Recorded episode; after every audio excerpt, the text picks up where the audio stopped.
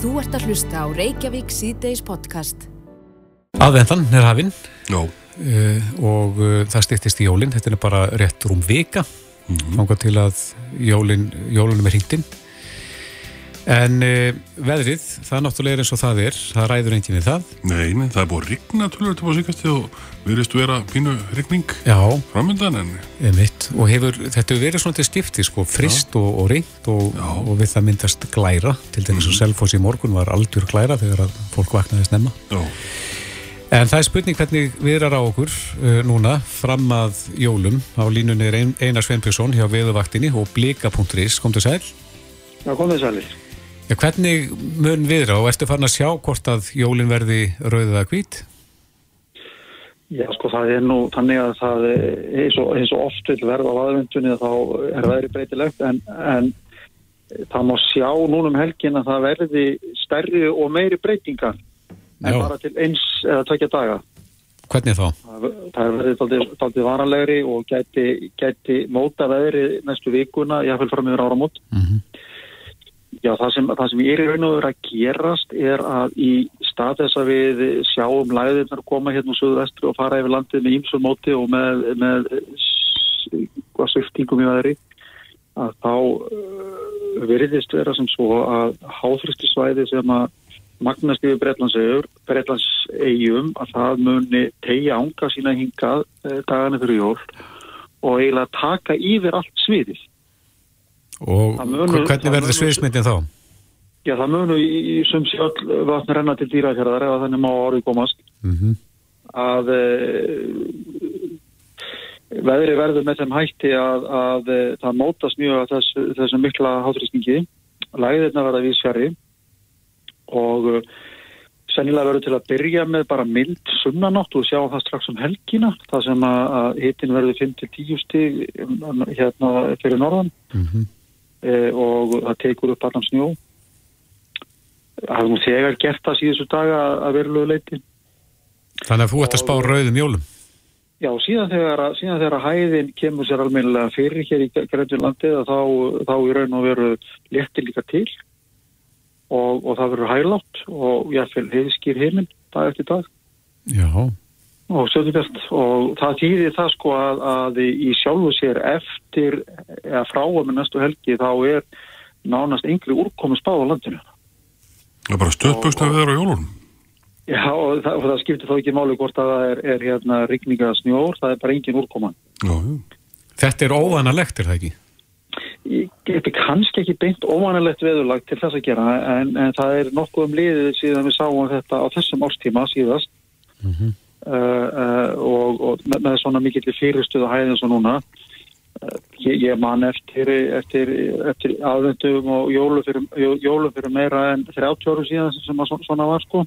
Mm og þetta gæti þýtt það og það er ekki ósannilegt og er raun og veru tvenns ekki mútið greina. Annars vegar að, að, að haldi áfram að vera bara myndar sunnanáttir eh, með e, bara svona hálgerðu vorveðri e, framöðu jól en síðan getur líka þessi hæð, hún getur hreðrað um sig hér alveg við landi eða ég vil yfir því og þá verður það þannig að það kólnar inn til landsins bara vegna, vegna þess að það er engin vindur og heiður heiminn og gæti orðið dólti frost þar á meðan að hittin er um frostmark eh, við, við sjáarsvíðuna. En á meðan að þessi hæð hangir yfir Bretlandi að þá, þá koma heitir vindar hingað.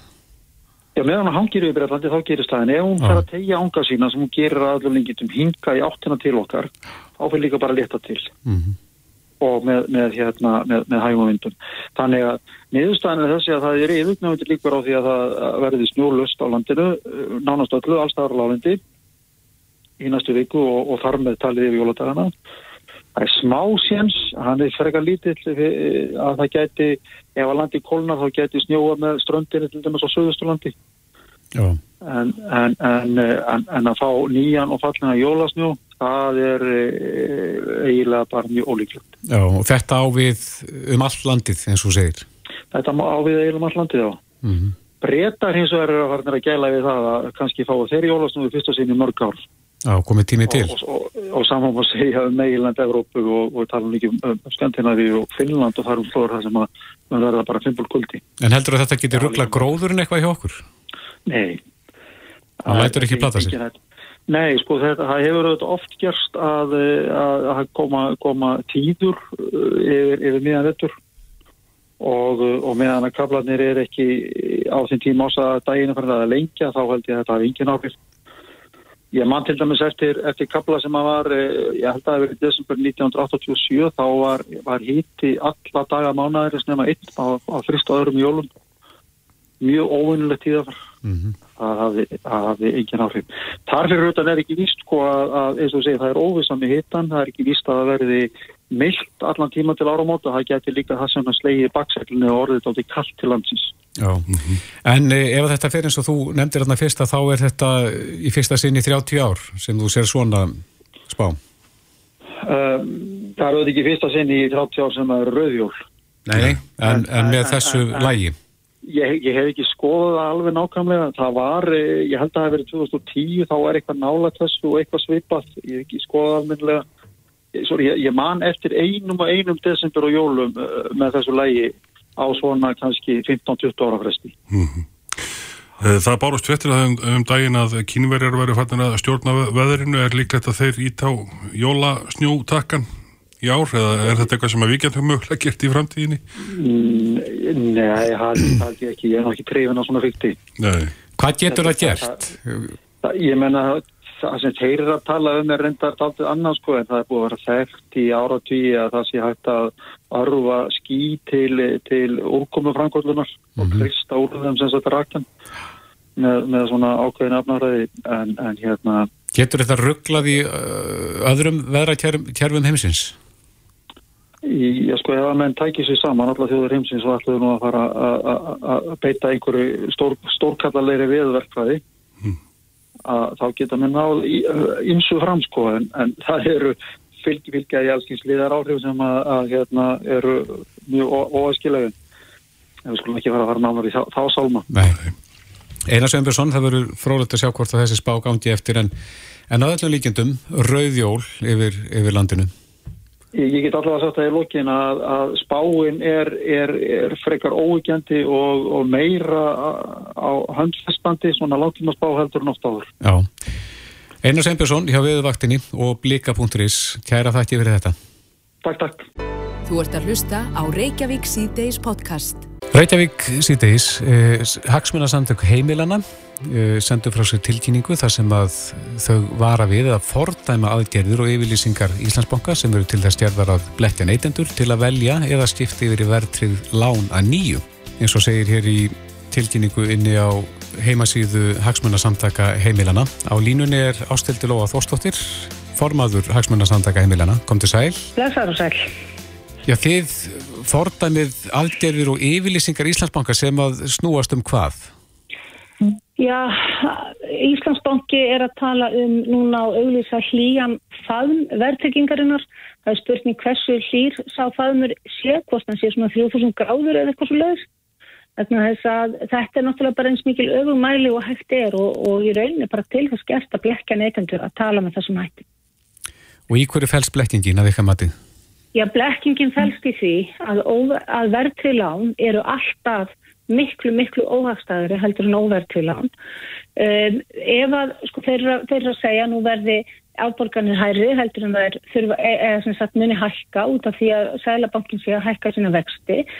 Um, það er alveg rétt að afborgarnir á verðtöðunlánum hækka, eða óverðtöðunlánum hækka með þarna hækkandi vöxtum en um, það er þó möguleiki og það mun gerast eftir ekkert alltaf langan tíma að það mun lækka aftur fyrir utan það að þegar afborgarnir munu lækka aftur og hvað sem að lánin er náttúrulega lækka þegar fólk er að borga af þeim. Mm. Það sem gerist með mm. verðtriðulónin er að nei, afborgunin hækkar ekki svo mikið fyrst í stað en hins vegar þá bætist ofan á höfustólinn og eftir 24 ár þá fyrir fólk virkilega að finna fyrir því.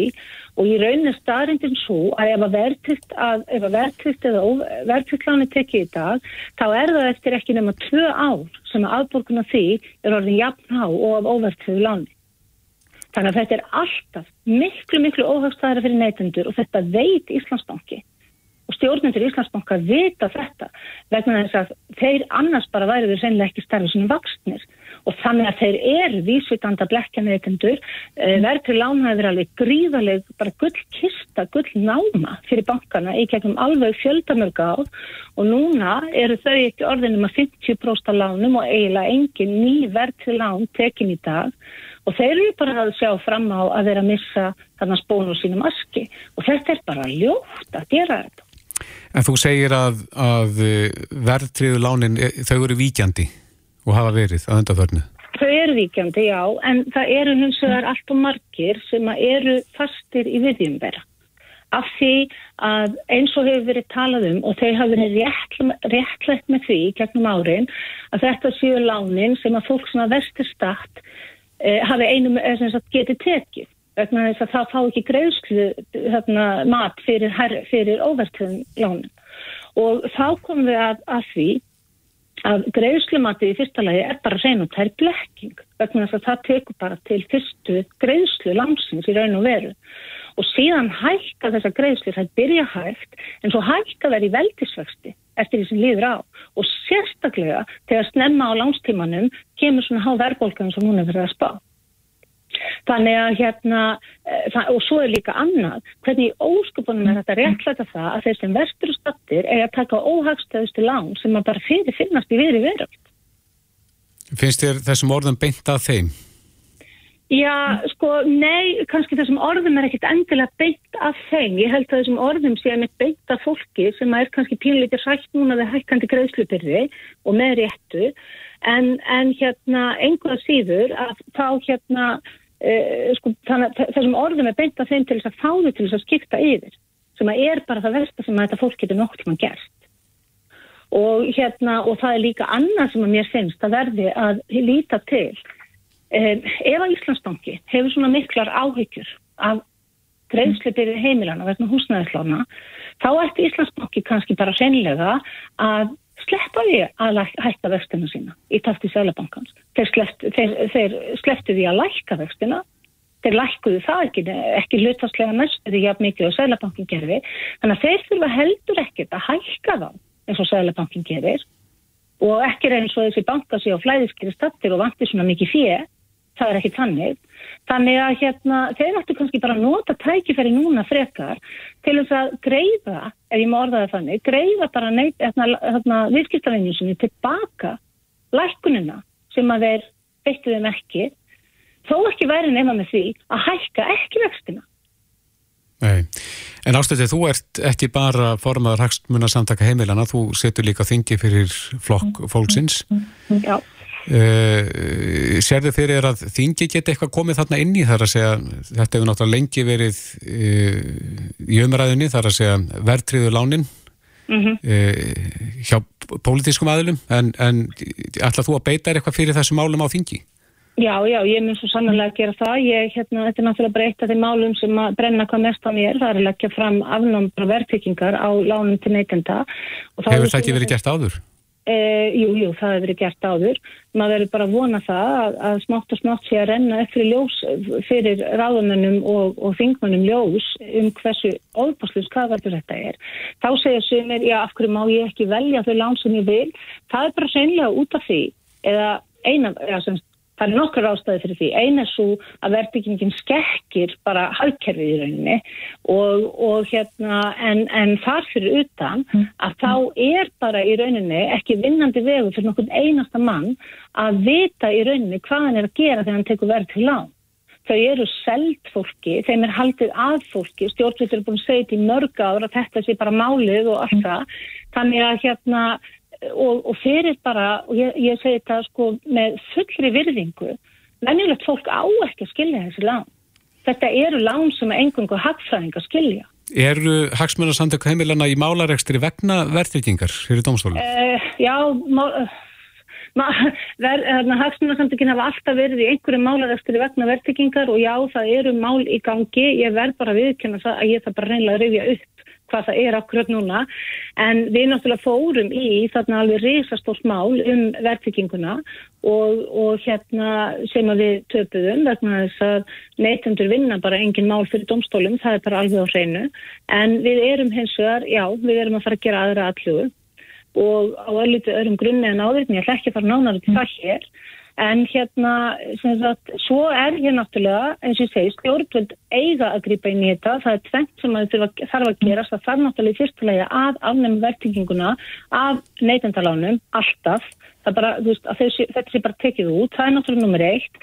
En annað sem ég er að gera og var að vonast til að fá að mæla fyrir því að núna já, fyrir jólinn þó að uh, tíminn sé að orðin lítill að það var svona sem neyðarúræði að breyta lögum um vext og verðtryggingu á sagt, uh, þannig að uh, það mætti ekki frá fyrsta það er að frista áhrif verðbólkunar á verðtrygglan og verðtryggða leigu sem alltaf er líka verðtrygg allt næsta ár með fyrsta, með, frá með fyrsta janúar næsta ár. Bara til þess að verja þá sem veikastand í samfélaginu fyrir uh, þessu gríðarlega, gríðarlega verðbólku sem er uh, bara fyrir sjáanleg á næsta ári. Já. Það væri að minnstakosti hægt að gera það. En það, er, en það er, ég myndi svo miklu, hefði svo miklu fyrir að vilja leggja fram strax semst, eitthvað um bann, bara reynd og klart bann við verðtíkingunni á lánum heimilana en þetta er eitthvað sem maður ætti að geta það í gegn en hitt, hitt svona tíminn er náttúrulega algjörlega reynd frá okkur. Ástildur Lóa Þórstóttir, formadur Hagsmennasandega heimilana og uh, þínkona Flokks Volksins, takk fyrir þetta. Hefur ég þakka að kella fyrir Kristófs. Þetta er Reykjavík C-Days podcast. E, og eins og við heilum hér í uppafið þáttar að e, þá býst Einar Sveinbjörnsson viðfæraðingu við rauðum jólum og gott betur en það. Já. Miða við þessa hæð sem að hangir yfir Breitlandi núna að þá er von á sunnan vindum. Mm -hmm á næsta dögum. Já. sem að þá vantilega reynsa landið að snjó. Já, þannig að við erum að tala um, erum að tala um rauði jól. Mm, Allstaðar á landið Já, akkurat. En hér fyrir vikunni þá heyrðu við í Reykjavík sítiðis í formanni félags grunnskóla kennara henni Þorgiður Lauviði Dýriksdóttur eh, sem að sagði við okkur að Íslands samfélag þurfi að setja sniður og íhuga hvað sé ásettanleg hegðun í samfélagi. Já. en við vorum að tala þarna um umræður meðal kennara mm. í auknum mæli það sem að rættir um uh, auki virðingalesi kakvart kennurum Jó. og uh, að fólk sé svona samanlum það að virðingalesið sem að börnum sína sé að færast neðar í aldri mm. á línunni er Bryndis Haraldsdóttir formaður allsærar og mentamálanemndar Alþingis, kom til sæl Sæli verði Já, hún sagði meðlandsformaður félagsgrunnsskólakennar að, að eh, það þyrti að rannsaka þetta, hvort að hvað sé að gerast í skólakerfinu. Tekur undir það að, að, að það megi skoða það? Já, sko, ég, ég var nú bara að renna yfir þessa frétt og heyrði þetta að þessum umræðum mm -hmm. og ég verði nú að viðkynna, mín tilfinning hefur nú bara verið svo að við hérna búum við alveg sko frábæran ungdóm hér á Íslandi og maður sjáu svo sko mikla svona hvað ég var að segja, sköpunakraft mm -hmm. hjá unga fólkinu. Og það er auðvitað svo mikla samfélagsbreytingar í gangi þannig að hægðuninu er örgla breyst en eh, auðvitað er það ávíkju efni ef að kennar eru almennt að tala um það að það sé virðingarleysi í skólum og, og ef að það er, eh, það er staðan þá teki undir það, það hlýtur að vera ástæða til þess að já, fyrsta lagi kannski rannsaka komast að hennu sanna í því og þá í kjálfari bregðast, bregðast við. Og og maður veldi fyrir sér eh, ef það er virðingarleysi barna við kennara hvað er það sem veldur eru við að tala um að það sé einhver samfélagsbreyting einhver mhm. áranda í því eða er það bannlíðan hjá börnum og ég held að það við sem að hér setjum á þingi og erum að fjalla um framlega að við þetta horfum til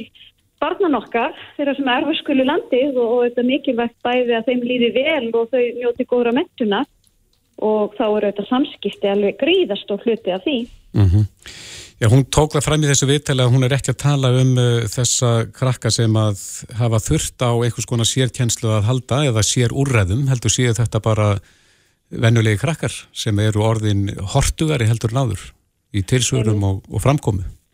Einmitt, ég held að séu líka mikilvægt að, að hérna, taka tillit í þessu. Ég sá, heyrði mitt af því hún hefur komið sérstaklega inn á það því að umræðan hefur nú svolítið mikil verið um skólakerfi okkar að þetta sem að við nefnum skóla aðgreininga sem mjög erfir og, og valdi því að kennarar eigi oft erfitt með að sinna sínu bekkjadildum því að þarfirna séu svo misjafnar. Mm -hmm. En auðvitað hefur því svo sem verið sko, hérna, varpað fram í gegnum tíðina að, að við séum ekki nógu öguð og maður heyrir svona dæmið þess að skólakerfi annar stað séu miklu aðgæðri. Þú veist, bekkjadildin það siti krakkarnir bara á þegi og meðan kennari tala. Einmitt. En maður hefur nú líka heilt, sko, við hefum nú haft áhyggjustundum að því hvernig okkur er að vegna í skólakerfinu og, og þá hefur nú písa oft komið til tals og okkur sé ekki að vegna mjög vel þar. En ég minnist þess að hafa séð samt oft í slíkum rannsóknum að börnum líði almennt vel í skóla. Eh, ég held að slíka rannsóknir séu gerða reglulega og við höfum svolítið státað að því ok, það er ekki gott að við séum ekki að ná meiri árangri í þessum písamælingum sem er þó bara ein mæling á, á sko, hvernig börnunum okkar er að vegna en hafi almennt vegna ágætlega þegar kemur að sko líðan skólabanna og í mínum huga er það jafnvel ennþá mikilvægar en hitt og ég vil gerna ná písa stuðlirum okkar líka við. En heldur að aukin ægimyndi þýða uh, aukin vanlíðan í skólum? Nei, ég er nú kannski ekki endilega að segja það en svona, fyrir mig, prívat og persóna þá aðeins því er nú kannski svona svolítið fjörbreytileika í skólakerfinu. Og ég er ekki endilega sannferðum það að það sé best fyrir börnin okkar að, að sko sitja á rassinu, sitja í stól með borð fyrir fram að segja allan daginn Þannig að ég velti þá fyrir mér ef, að, sko, ef það eru upp einhvers konar agavandamáli og hortið til hvort kom, við þurfum að koma betur til móts við börnin okkar. Þannig að þau fá til dæmis að reyfa sér meira, við fyrir meira í útikenslu og kenslu aðferðna sér meira miðaðar af þörfum barna. Mm -hmm. og ég get nefnt sérstaklega sem dæmi við höfum þetta rætt mikið um það hvernig drengjum líður í skóla. Og margir vilja meina að skólakerfi okkar séu stúrku miða þar að segja kenslu aðferðirnar Þetta er auðvitað verkefni eða vandamál sem hefur verið bent á og, og hefur verið reynd að vinna með einhverjum hættu. Ég svona bara velti því hér upp hvort að það geti verið einhver tenging þarna á milli. Er þetta verkefni, þegar nú er þú nýtættin við sem formaður alls er á mentamálanendar, er þetta verkefni fyrir þingið að taka á?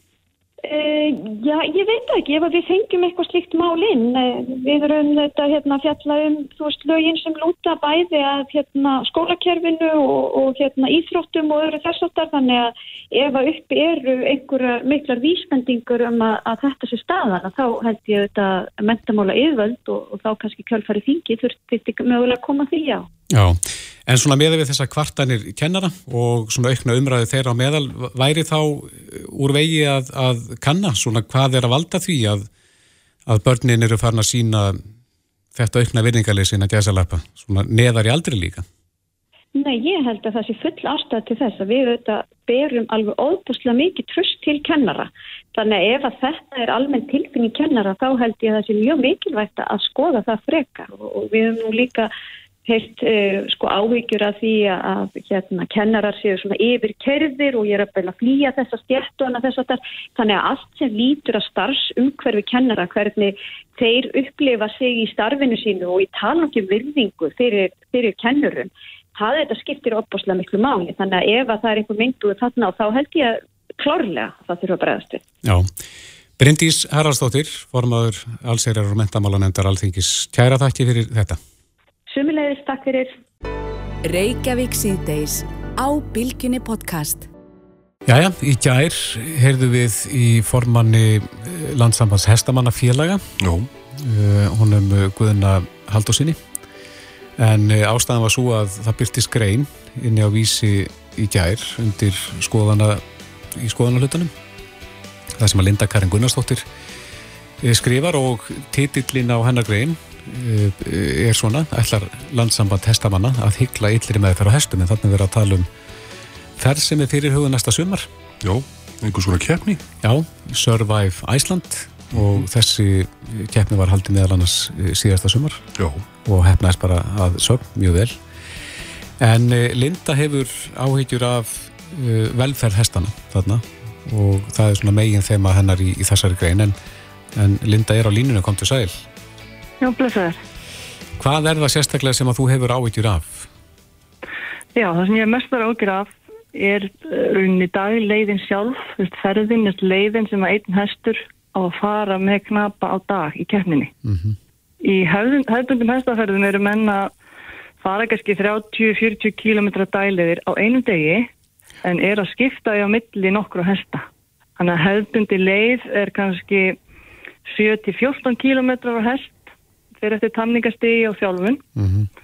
En í þessari keppni Survive Iceland á hestur að fara 30-35 kilometra á einum degi á reitni bendi. Já, þetta var vist líka þannig fyrra en, en Guðni sagði það og, og tók að síst fram að, að það er mjög vel fylst með hestunum.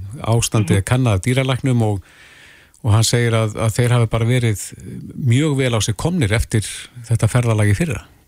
Mm, já, þegar það, það er þannig að dýrlagnir metur hestana eftir kveldlegg og fylst vel með þeim, það er skoðað púls og metnir metning hvort þessi áverkar eitthvað. Einmitt.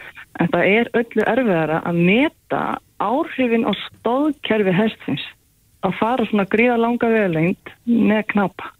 Það er unni þessi breyta sem við þurfum að, að skoða í þessu út af því að hesturinn okkar, íslensk hesturinn, er rosalega hardur af sér. Mm Því þá það að hann kannski sýnir ekki sömu hægðun og önnur hestakei myndu gera í svona aðstæðan, myndu miklu álæg, það bara heldur hann áfram þrátt fyrir að hann sé verkjaður í skroknum. Já, Guðni Svo benta, svona, já, fyrir ekki Guðni benta það ekki að þarna væri bara íslenski hesturinn í sínu náttúrulega umhverfi, hann var, þetta er hans gamla, hérna, hans gamla leið að fara yfir íslenska náttúru.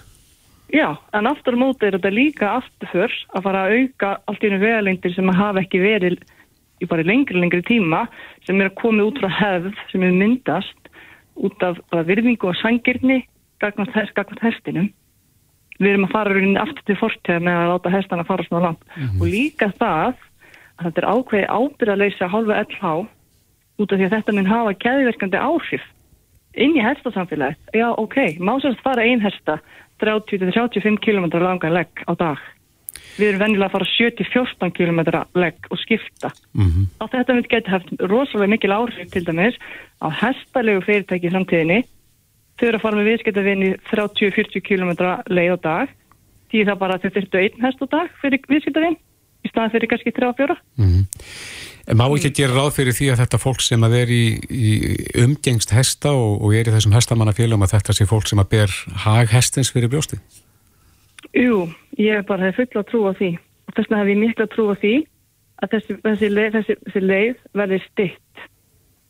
Svo, svona leiðir eru í Erlendis, þólraðikeppnir og það eru mjög umdeildar út af því hversu lengi kna, knapparnir sitja á hestunum og hversu langa leiðir hestunir þurfa að fara. Hestar eru ekki gerði til að bera menn og við verðum að bera virðingu fyrir honum og gæta á hann ekki kvíveitna, sérstaklega þegar kemur þessu það er mjög erfitt að meta stóðkjæraverki hjá hestum. Já, en er það eitthvað sem að uh, þarf reynilega bara að rannsaka, að ráðast í rannsóknir á því hvað uh, Já. íslenski hæðsturinn þólir? Já, eða bara hafa þá, hérna, sjálfsögum má rannsaka það, það er bara mjög gott.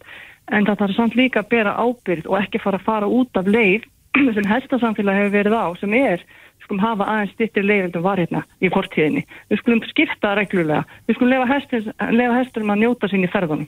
Þetta verður bara rosalegt púl og pynting að mínu mati að láta hestana bera mann 30-35 km dag og tveir þeirra þurfa að bera, þessa, bera mann þessa vegalengd þrísvarsinnum og einn þrísvars. Mm Þannig að þetta er alveg gríðarlega lung leið. En þú ert hestafræðingu Linda, er, er hérna, er, þetta, er ekki hægt að þjálfa hestan upp í, upp í þessu?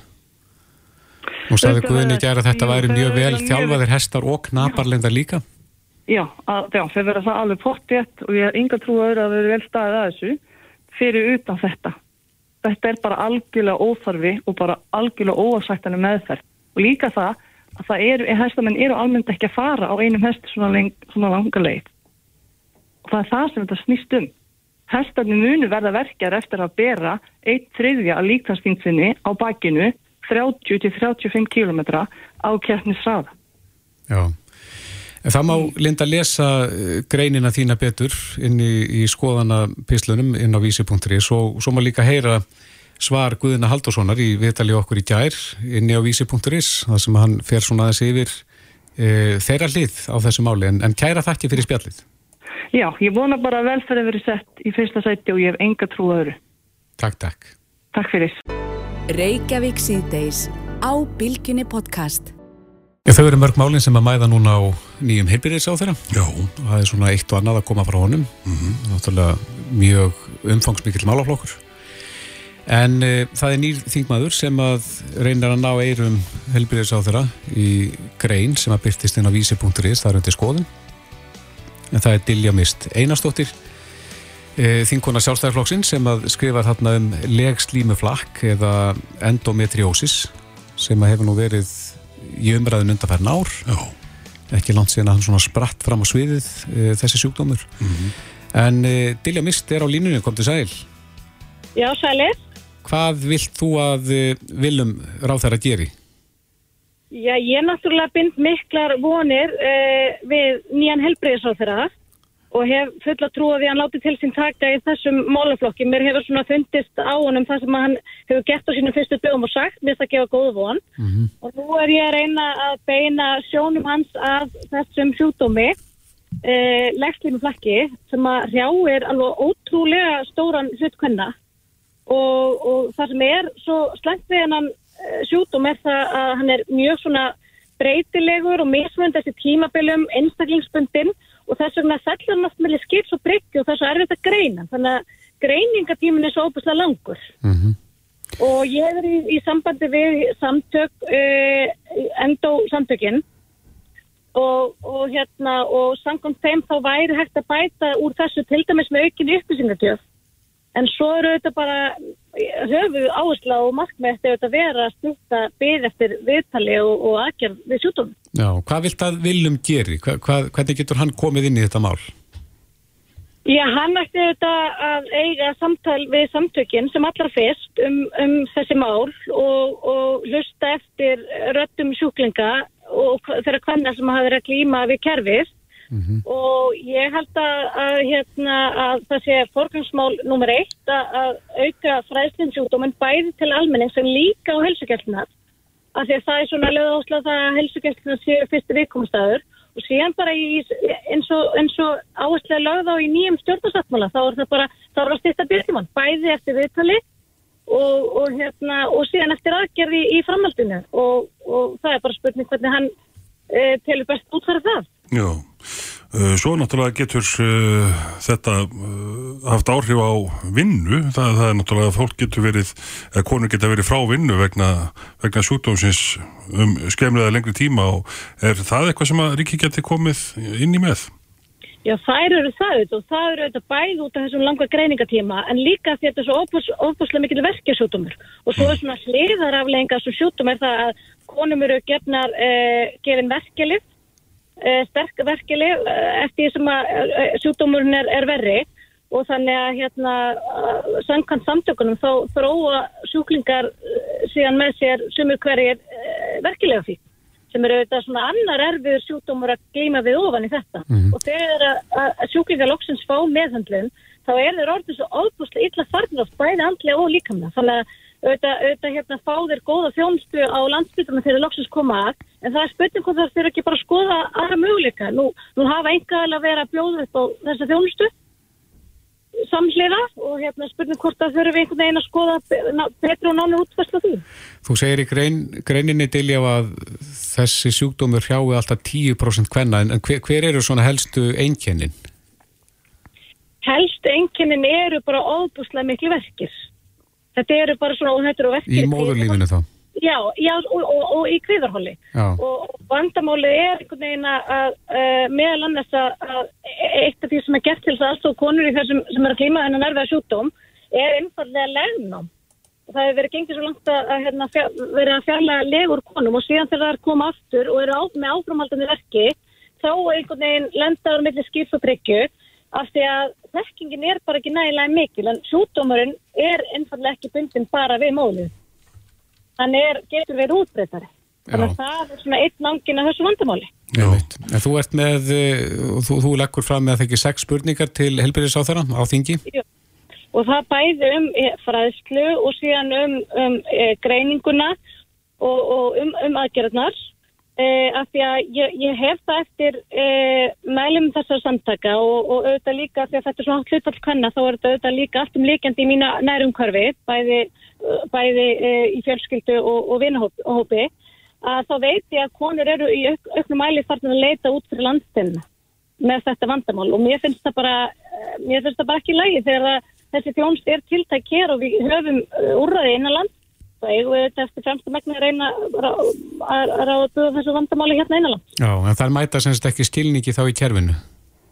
Ég held að mæta að hluta til auðvitað skilningin, það er þetta tekkingaleysi og síðan bara, hérna, uh, bara er þetta svo stór hópur konna, þetta er svo stór sjúklinghópur og það er bara einfallega ekki eftir að sinna þessari þjónstu eins og hún er uppið í dag. Já, Já þetta náttúrulega er, eru konur og uh, eflaust einhver kostnaði sem að fylgja því að uh, til dæmis að kaupa verkjalið og annað, myndur þú segja að með þessu séu konur að borga svo kallega bleika skatta? Já, ég segi sko þetta er ekki bara kostnæðan sem fylgir því, það eru auðvitað líka kostnæðan sem lísta því að, að konur séu óvinnu færar í mánuðum og árum saman út af og geta þá ekki verið virkið þáttekandur í, í samfélaginu. Já. Það eru auðvitað líka kostnæðan sem lísta því og þetta eru auðvitað sjútumar sem að leggst, jú, á konur, þannig að hérna, mér finnst að við erum að að, að, að sinna þessu sem skildi. Einmitt. Dilja mér Steinastóttir, þinguna sjálfstæðisflokksins. Kæra þætti fyrir spjallið. Takk, takk. Hlustaðu hvena sem er á Reykjavík C-Days podcast. Reykjavík C-Days, eh, leikskólamálinn hafa svolítið verið til umræðu på stíkastið. Já. Við vorum til dæmis hér um daginn með borgarföldur og sjálfstæðisflokksin sem að fór yfir það að samkvæmt suðarni sem hann fekk við fyrirsputsinni varandi e, þann aldur sem að börnin komast inn á leikskólan og þá var hann í kringum 29 mánuður mm -hmm. sem að telst allt og mikið en, en okkur skilst að þessu komnar nýjar tölur uh, nýjar upplýsingar varðandi þennan tíma og aldur batna þegar þau komast í leikskóla pláss. Skúli Helgason er formaður skóla og frísendaráðs Reykjavíkur. Kom til sæl? Já, sælir.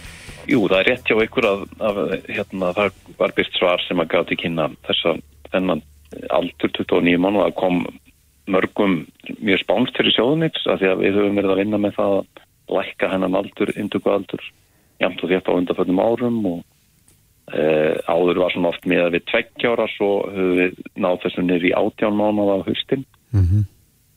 og, og það stóð heima. Þegar það var farið að skoða þetta núna þá komið ljós að, að e, þessi meðalaldur er að börnir að jafna því 19 mánuða, ekki 29 þetta er 19 mánuða þegar við byrjum í leikskóla.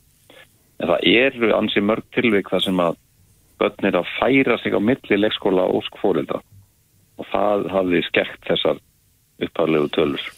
En er þá... Það er mjög gætnan orðin skiljiði þryggja, fjögura, fimm og jafnvel upp í sex ára.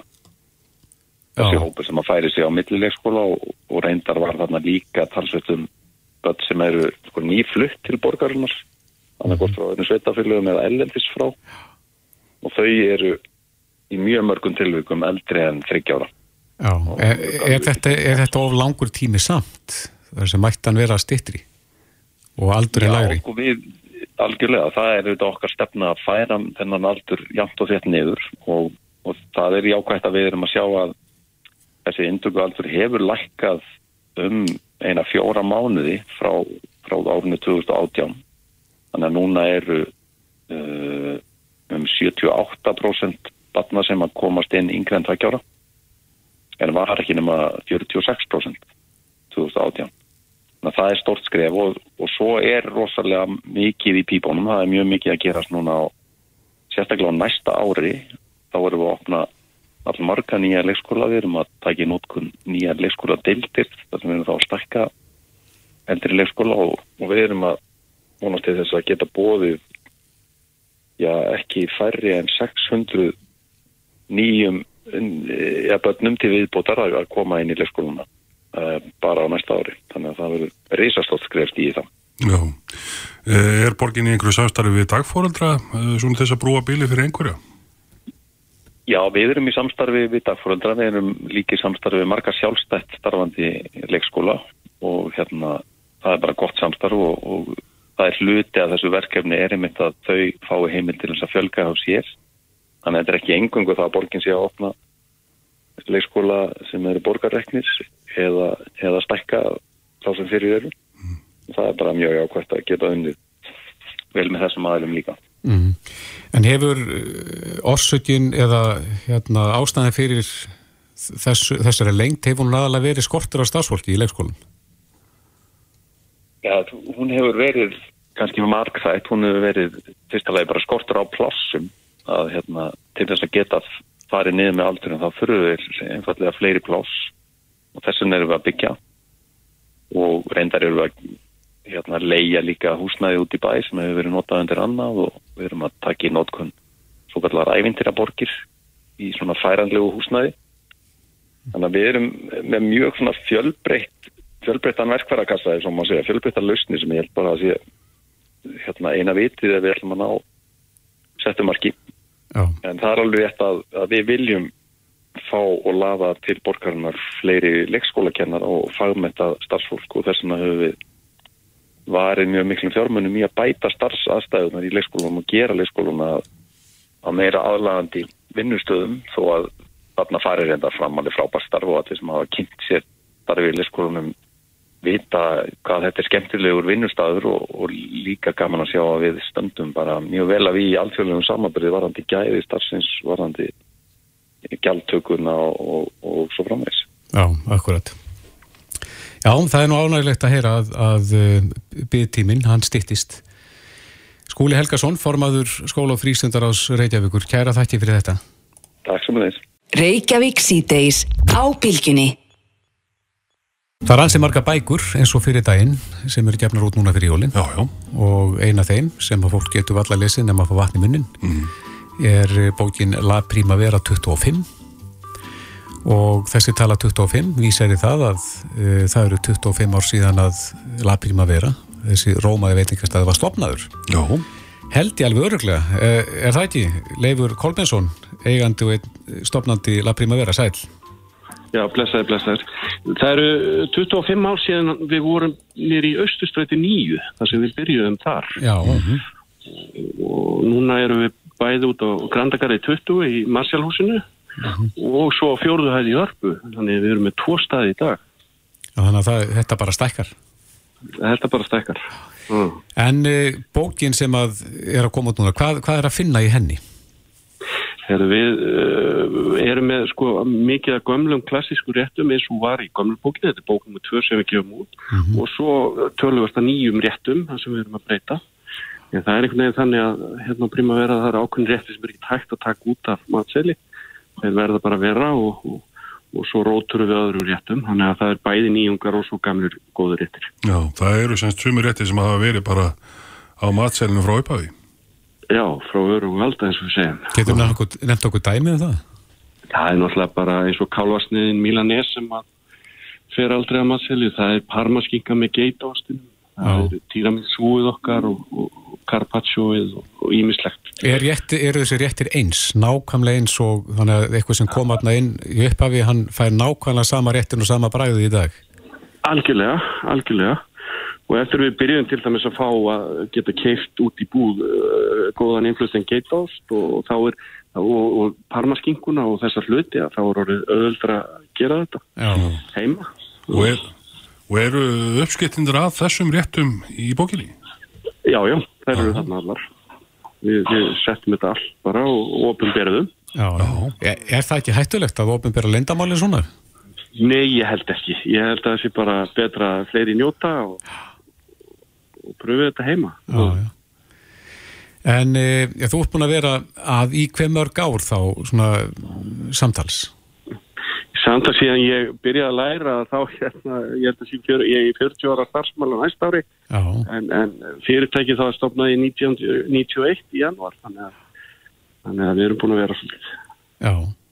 En hvernig hefur nú, að þetta er rótgróin staður, hvernig myndur þú lýsa La Primavera? Er þetta, er þetta ítalskur veitingastæður? Já, já, við, til dæmis við seljum einu kvítalsk vín og ég hef alltaf hent í það að sækja nálgun í matagerð til Ítalju og svo það ráöfni sem við höfum fengið frá Ítalju hef ég notað mikið og látið sér innflytja mig og allavega og fáum uh, sér innflytta góða ólugolju en svo notust við líka við náttúrulega bara fiskin okkar og, og kjötu sem við eigum hér uh, og, og, og útfæra það á ítalska vegu. Já, já.